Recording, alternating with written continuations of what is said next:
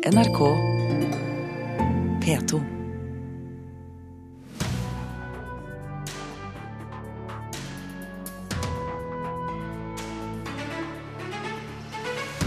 Høyre beskylder Arbeiderpartiet for å drive med politisk reklame som kun sverter motstanderne. Hvordan gikk det med kjærligheten for parene i filmen Love Actually? I dag kommer kanskje svaret. Storpolitikk i Eurovision Song Contest, barns mobilbruk og modernisering av norskfaget er tema i Fredagspanelet. Ja, dette er litt av menyen i dagens Kulturnytt. Jeg heter Stine Tråholt. Velkommen skal du være. Årets valgkamp vil bli den første her hjemme som virkelig preges av politisk reklame. Det mener i hvert fall Høyres kommunikasjonssjef Rune Alstadsæter. Nå beskylder han Arbeiderpartiet for å drive med politisk reklame som kun har ett formål å sverte motstanderne. Vi skal ha et arbeidsliv med plass til alle. Derfor er det så viktig å skape flere nye arbeidsplasser. Her hører vi statsminister Erna Solberg i noe du kanskje tror er en reklame for Høyre. Vi må ha arbeidsplasser nok. Men det er det slettes ikke. Dette er en video laget av Arbeiderpartiet. Over klippene av Solberg vises grafer over hvordan arbeidsledigheten har utviklet seg med henne som statsminister. Arbeiderpartiet er helt klart ledende i Norge på å lage politiske reklamefilmer som kun sverter motstanderne, og som ikke peker på egne løsninger. Rune Alstadsæter er kommunikasjonssjef i Høyre. Han beskylder Arbeiderpartiet for å drive med en negativ kampanje, og viser til flere eksempler som ligger ute på partiets Facebook-sider. Dette er et eksempel på noe som eh, vi virkelig kommer til å se i valgkampen. Eh, politisk reklame som har én hensikt. Ikke å fremheve egen politikk, men å sverte politiske motstandere. Den amerikanske valgkampen var preget av mye drittkasting. It's just awfully good that someone with the temperament of Donald Trump is not in charge of the law in our country. Because you'd be in jail. Høyre mener nå at Arbeiderpartiet legger opp til en valgkamp som i verste fall kan føre til lavere valgdeltakelse. Dette er jo det samme som Hillary ble utsatt for i USA. Reklame som, som kanskje fikk hennes tilhengere til å sitte hjemme på valgdagen. Dette blir første gang politisk reklame kommer til å prege norsk valgkamp virkelig. Men kritikken synker ikke helt inn hos Kjersti Stenseng, partisekretær i Arbeiderpartiet. Høyre driver jo med merkelapper og personkarakteristikker sjøl, så jeg tror eh, Høyre må gå litt i seg sjøl hvis de syns dette er for eh, negativ kampanje. Men hvorfor lager Arbeiderpartiet slike videoer? Det vi driver med, er å synliggjøre konsekvensene av regjeringa sin politikk. Eh, politisk debatt, konfrontere, som et opposisjonsparti skal gjøre. Og Det tror jeg blir en del av valgkampen. Og det håper jeg skal kunne gjøre både opposisjon og posisjon på en redelig måte. Stenseng mener at Høyre er like ille. Og hun viser til en video hvor Høyre gjør nøyaktig det samme. Her gjør de narr av Arbeiderpartiets nestleder Helga Pedersen i en ganske lik video. Vi har jo aldri tatt til orde for en storstyrt storstilt eh, kommunereform. Dette viser jo at både Høyre og Arbeiderpartiet er fullstendig ute av stand til å se seg sjøl fra utsiden. Det sier Ketil Raknes. Han har lang erfaring fra PR, politikk og kommunikasjon, og han kjenner alle triksene i boka fordi han tidligere har jobbet som statssekretær i SV. Nå er han doktorgradsstipendiat på Høgskolen Kristiania. Det begge partiene gjør, de har hentet offisiell statistikk og offisielle uttalelser. Så det som ligger der, er like sant som det som står på en forside i VG. Der grensen går, sånn som jeg ser det, er jo når man kommer med veldig grove personkarakteristikker, eller at man lyger eller bevisst kommer med usann informasjon om andre partier. Da er man over i et helt annet type landskap. Det sa til slutt Ketil Raknes og reporter Mari Sand Malm. Magnus H.M. Iversen, du er doktorgradsstipendiat ved Universitetet i Bergen og har skrevet masteroppgave om politisk reklame. Det høres jo nesten ut som Høyre og Arbeiderpartiet gjør noe av det samme her. Er det ditt inntrykk?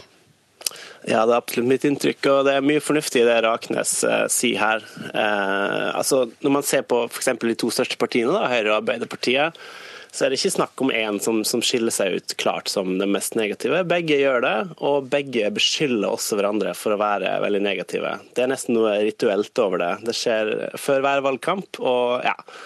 Er det likevel noen som har ført an, da? Eh, det kommer jo litt an på ofte da, hvem som er i posisjon og hvem som er i opposisjon. Så jeg tror eh, hvis man til enhver tid eh, detaljmåler det, så vil man nok finne et parti, og det vil sannsynligvis være opposisjonspartiet som angriper mest.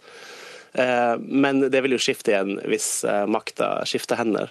Så det blir litt sånn misvisende å si at, at noen, noen, er versting i Norge. fordi at dette her varierer fra, fra valg til valg, og så varierer det også fra individuelle politikere til til andre politikere. Fordi, eh, fordi noen vil mer, ha det mer den stilen at de angriper enn andre. og sånn også. Mm. Politisk reklame er jo ikke noe nytt, men gjør det for alvor sitt inntak i denne valgkampen denne høsten, tror du? Ja, det kan du si på den måten at uh, vi kommer til å se mye mer politisk reklamefilm på nett uh, enn det vi har tidligere.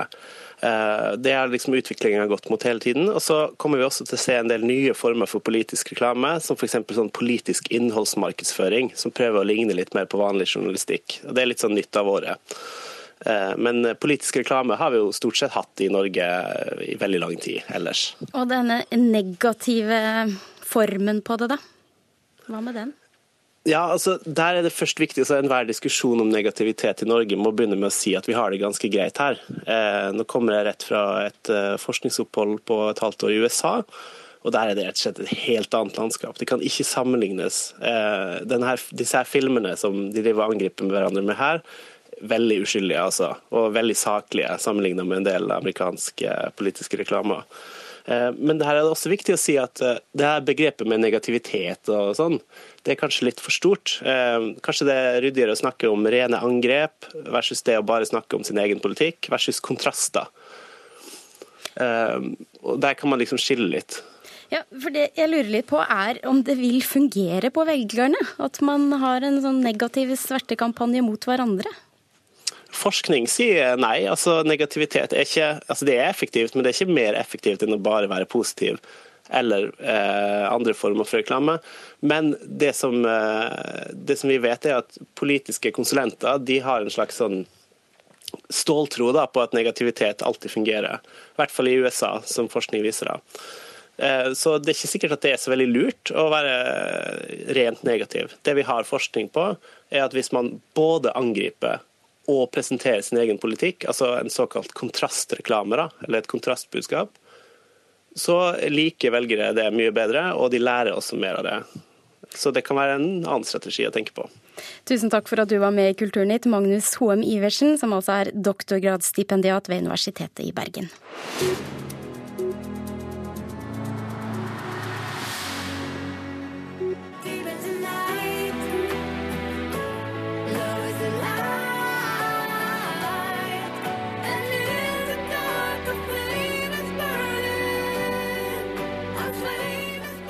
Ja, dette er den russiske artisten Julia Saimolova, og i studio så er du jammen igjen. Reporter Mari Sandmalm, denne gangen med siste nytt om artisten får opptre i Eurovision Song Contest eller ikke. Ja, Den europeiske kringkastingsunionen, EBU, foreslo at Samoilova kunne opptre i Eurovision via satellittoverføring. Ja, Det kom i går kveld. Det kom i går kveld, det er helt riktig. Og det vil ikke russisk TV gjøre. Channel One i Russland skriver i en pressemelding at de mener Ukrainas innreisenekt strider med ESK-reglene, og at de vil derfor ikke takke ja til tilbudet. Og så har eh, Klassekampen også en sak om dette i, går, i dag, i form av Bjørn Nistad, doktor i russisk historie. Han mener at norske artister de bør boikotte arrangementet hvis denne eh, russiske artisten ikke får opptre. Hvorfor det? Ja, Nistad mener altså at norske artister bør boikotte fordi alle kunstnere og artister risikerer å bli rammet dersom kunstnernes opptreden blir trukket inn i politiske stridigheter. Og han understreker at det er en mengde av konflikter i verden, og hvis disse skal trekkes inn i kulturelle arrangementer, så risikerer man at de kulturelle arrangementene bryter sammen. Og så har du litt uh, nytt også om noe ganske annet. Filmen om Barbie. Ja, Det var egentlig meningen at eh, skuespiller Amy Schumer skulle spille hovedrollen som Barbie i filmen om Barbie, men hun har trukket seg fra rollen og sier at eh, innspillingen krasjer med andre filmer. Altså, Valget av Schumer til denne rollen har fått mye kritikk, eh, bl.a. pga. hennes kropp og utseende, men nå skal hun altså ikke spille rollen likevel. Takk for at du orienterte, Mari Sand Malm.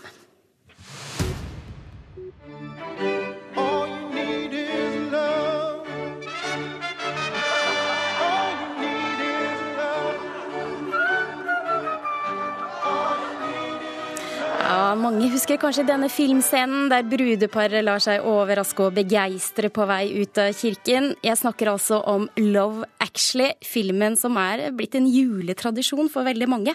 Og i kveld så sender BBC en ti minutter lang oppfølger til denne filmen fra 2003. Oppfølgeren den kommer i forbindelse med en veldedighetsaksjon, Red Nose Day, til inntakt for organisasjonen Comic Relief. I'm afraid you did it again, Bill. It's just I know the old version so well, you know. Well, we all do. That's why we're making the new version.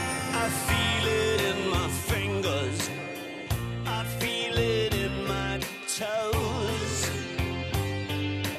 Love Actually er for mange et fast juleritual.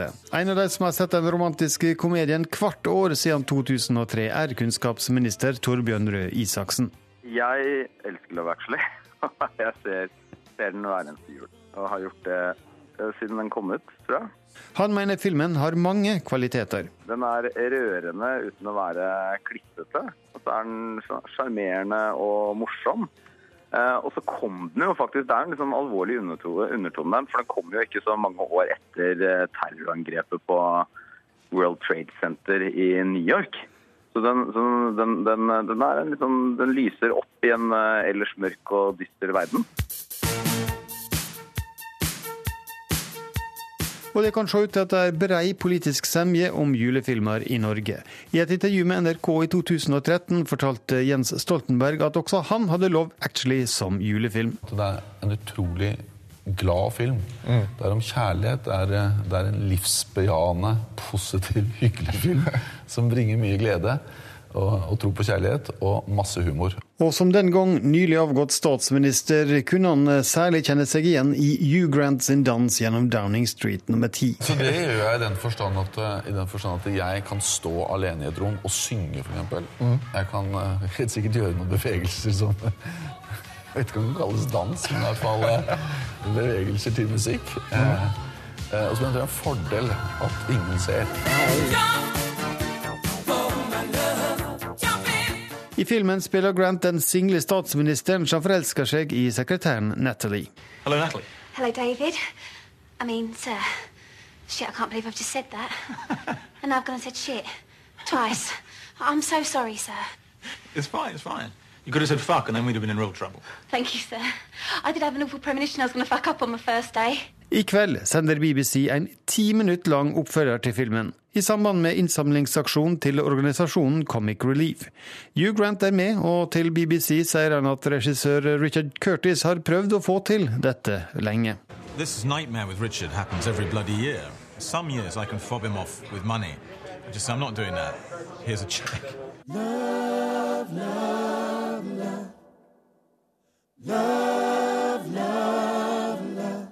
Mange er nok spente på hva som har skjedd, og ikke minst hvem av skuespillerne som har takla de nesten 14 åra som har gått best.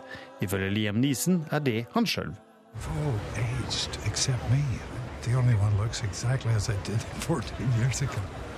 Men sjøl om vi nå får vite hvordan det har gått med de fleste som var med i filmen, så håper kunnskapsministeren at det blir med dette ene gjensynet. Hvis jeg skal være helt ærlig, så, så, så er det nesten så jeg håper på at man egentlig ikke skal lage noe mer. For det er ofte finere å kunne forestille seg hvordan det går, eller bare la det være en, en fin film. Come on and let it show.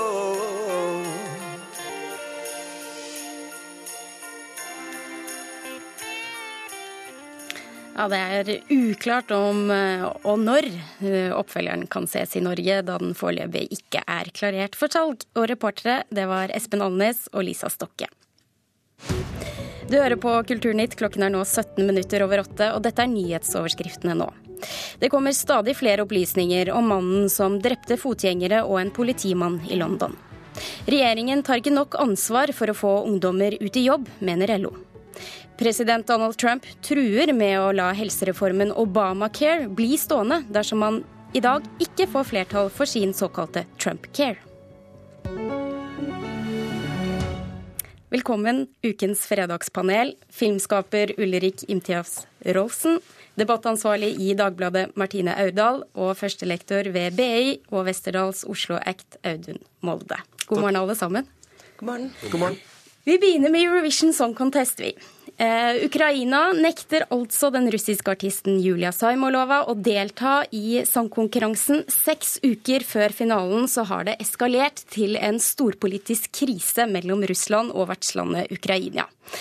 Spørsmålet er er det naivt å tro at av arrangørene Eurovision Song Contest å tro at showet skal være helt fritt for politikk i dagens Europa? Martine Aurdal. Ja.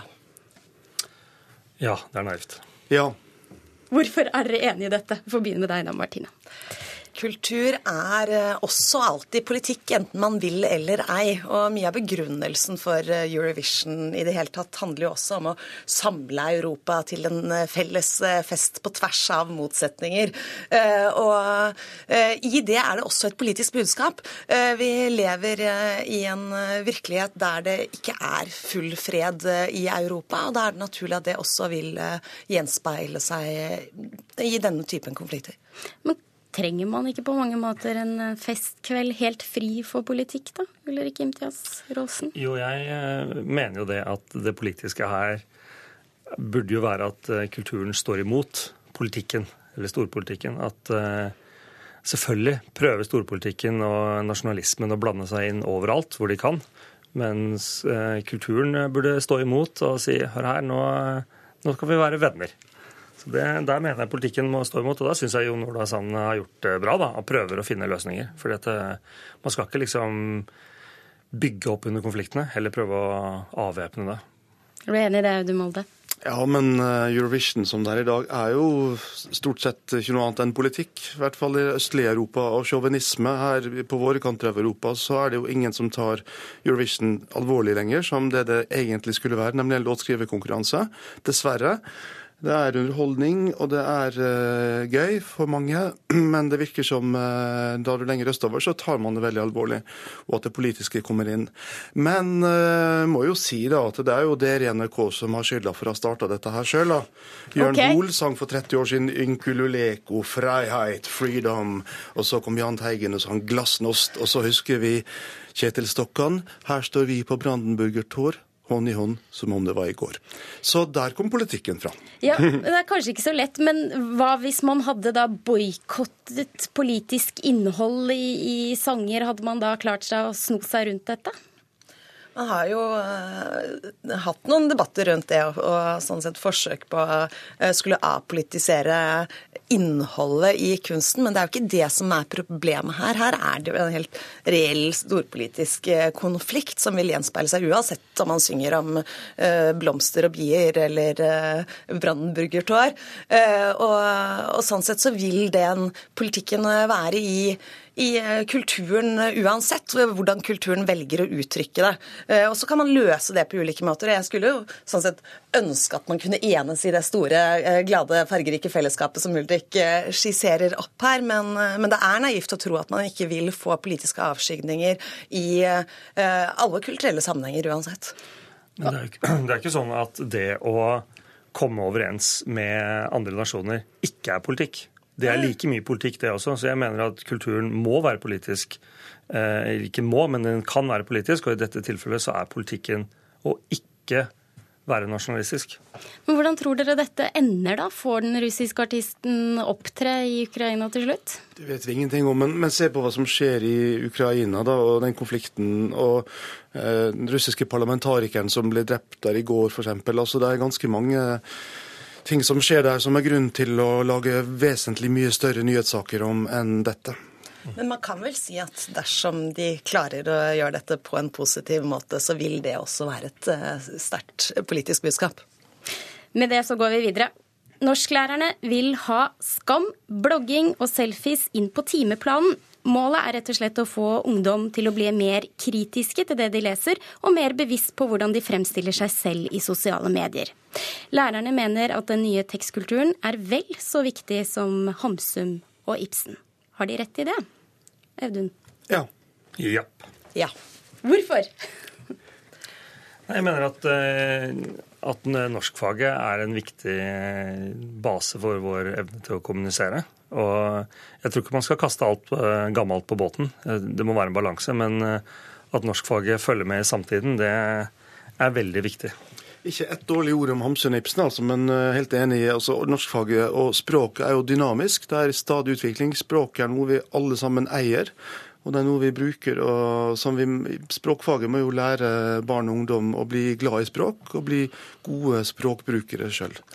Norsk er kanskje det aller viktigste språket i skolen, nettopp fordi at det skal sette oss i stand til å analysere språket og verden rundt oss. Jeg tror ikke det er noen grunn til å frykte at norsklærers eh, kjærlighet til litteratur er så liten at ikke de vil sikre klassikernes plass uansett. Eh, Men det det er grunn til å frykte, er jo det at vi eh, ikke setter den oppvoksende generasjonen i stand til å analysere verden rundt seg, som jo da er et mediemangfold hvor de overflommes av en kombinasjon av eh, tekster med reklame og, eh, og blogger og eh, TV-serier som de ikke er i stand til å, å deschiffrere av seg selv. Så Derfor så må skolen hjelpe dem å analysere dem og diskutere dem, slik at de går kloke ut i verden som oppvakte mediebrukere. Men det er noe litt klamt over det hele òg. At en, en, en, et voksent menneske skal snakke i en form som ungdommen gjør.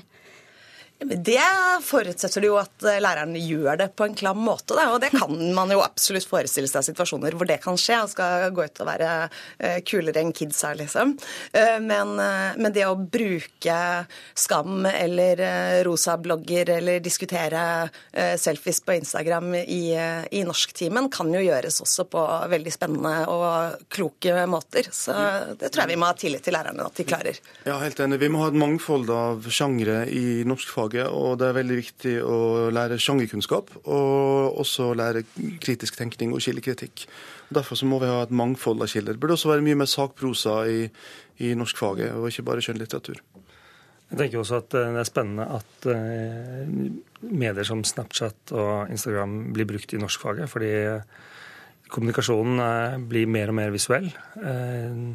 Eh, Men, men tenker du at mm, man skal bruke Ibsen, lese Ibsen og formidle hva man har fått ut av det på Snap? Nei, ikke nødvendigvis. Eh, Jeg tror man skal eh, holde på de klassiske formene på den klassiske måten, men man kan også fornye det, selvfølgelig. Det, det, det er ikke sånn at dette er i motsetninger eh, hverandre? Jeg ser gjerne Ibsen på Snapchat også, ja. altså, hvis ungdommene eh, tenner på det. Noe av eh, det viktigste en god lærer gjør, er jo nettopp å skape entusiasme rundt litteraturen, skape leseglede. Eh, Og hvis det kan gjøres ved å bruke nye former på gammel litteratur, eller ved å ta inn ny litteratur eller eh, andre medier, så syns jeg vi bare skal applaudere det. Hvis Ibsen hadde levd i dag, så hadde vel han lagt ut Snap hver dag og hatt en Instagram-konto. Altså, Ibsen skildrer jo sin tid, eh, og det gjør jo vi alle sammen i dag på sosiale medier. Så ikke sett disse tingene opp mot hverandre, men se på mangfoldet i det og, og gå inn i alt sammen. Ok. Dere er veldig enige i dag, så nå er jeg spent Ja, på siste altså. Ja, nå må dere skjerpe dere. nå er jeg spent på, på siste spørsmål. Det dreier seg om mobilbruk. En gruppe barn og unge i Grimstad har nemlig tatt initiativ til en kampanje som skal begrense skjermbruken og heller fremme fysisk aktivitet og sosialt samvær med fysisk oppmøte. Norske barn og ungdommer er nemlig verdenstoppen på bruk av mobil og sosiale medier. Er dette en tapt kamp, Ulrik? Eh, Jeg vil ikke si det er en tapt Nei. Nei. Eh, ja. OK. Ulrik, du får begynne. Nei, Jeg tror ikke det er en tapkamp. Jeg tror vi fremdeles eh, vil se at barna våre har lyst til å løpe og, og leke. og når jeg ser på mine egne barn, så ja, de er glad i skjerm, men de er også veldig glad i å, å gjøre andre ting. Jeg syns det er fint at eh, barna i Gripstad finner, finner ut dette sjøl. Mm. Jeg tror at eh, alle reaksjoner har en motreaksjon, og vi kommer til å se mye av dette framover. Det er jo en tapt kamp all den tid eh, ungdommen eh, bruker så utrolig mye tid på skjerm at de ofte eh, sitter og chatter med hverandre i samme rom istedenfor å snakke sammen. Og vi kommer ikke til å se at de, denne typen aksjoner gjør at de slutter med det. Men nettopp derfor så er det jo bra at de diskuterer det sjøl, ser på alternativer og hvordan man kan kombinere det. Da. Det er nå, er, nå er det jo sånn at eh, små barn fra de er liksom ett år, eh, har eh, en intuitiv forståelse av hvordan man skal bruke nesten enhver skjerm, og velger det veldig ofte. Så må man hjelpe dem å legge til rette for at det ikke skal ta helt overhånd. Og kombinere det med jeg vet da søren, jeg, Pokémon Go-jakt, så de kommer seg ut i Frognerparken samtidig. Men små barn fra de ett år har jo også en intuitiv forståelse av vann og luft og jord og ild og mange andre ting. da. Så det er jo håp, og det er jo veldig bra at dette kommer som en reaksjon fra ungdom sjøl.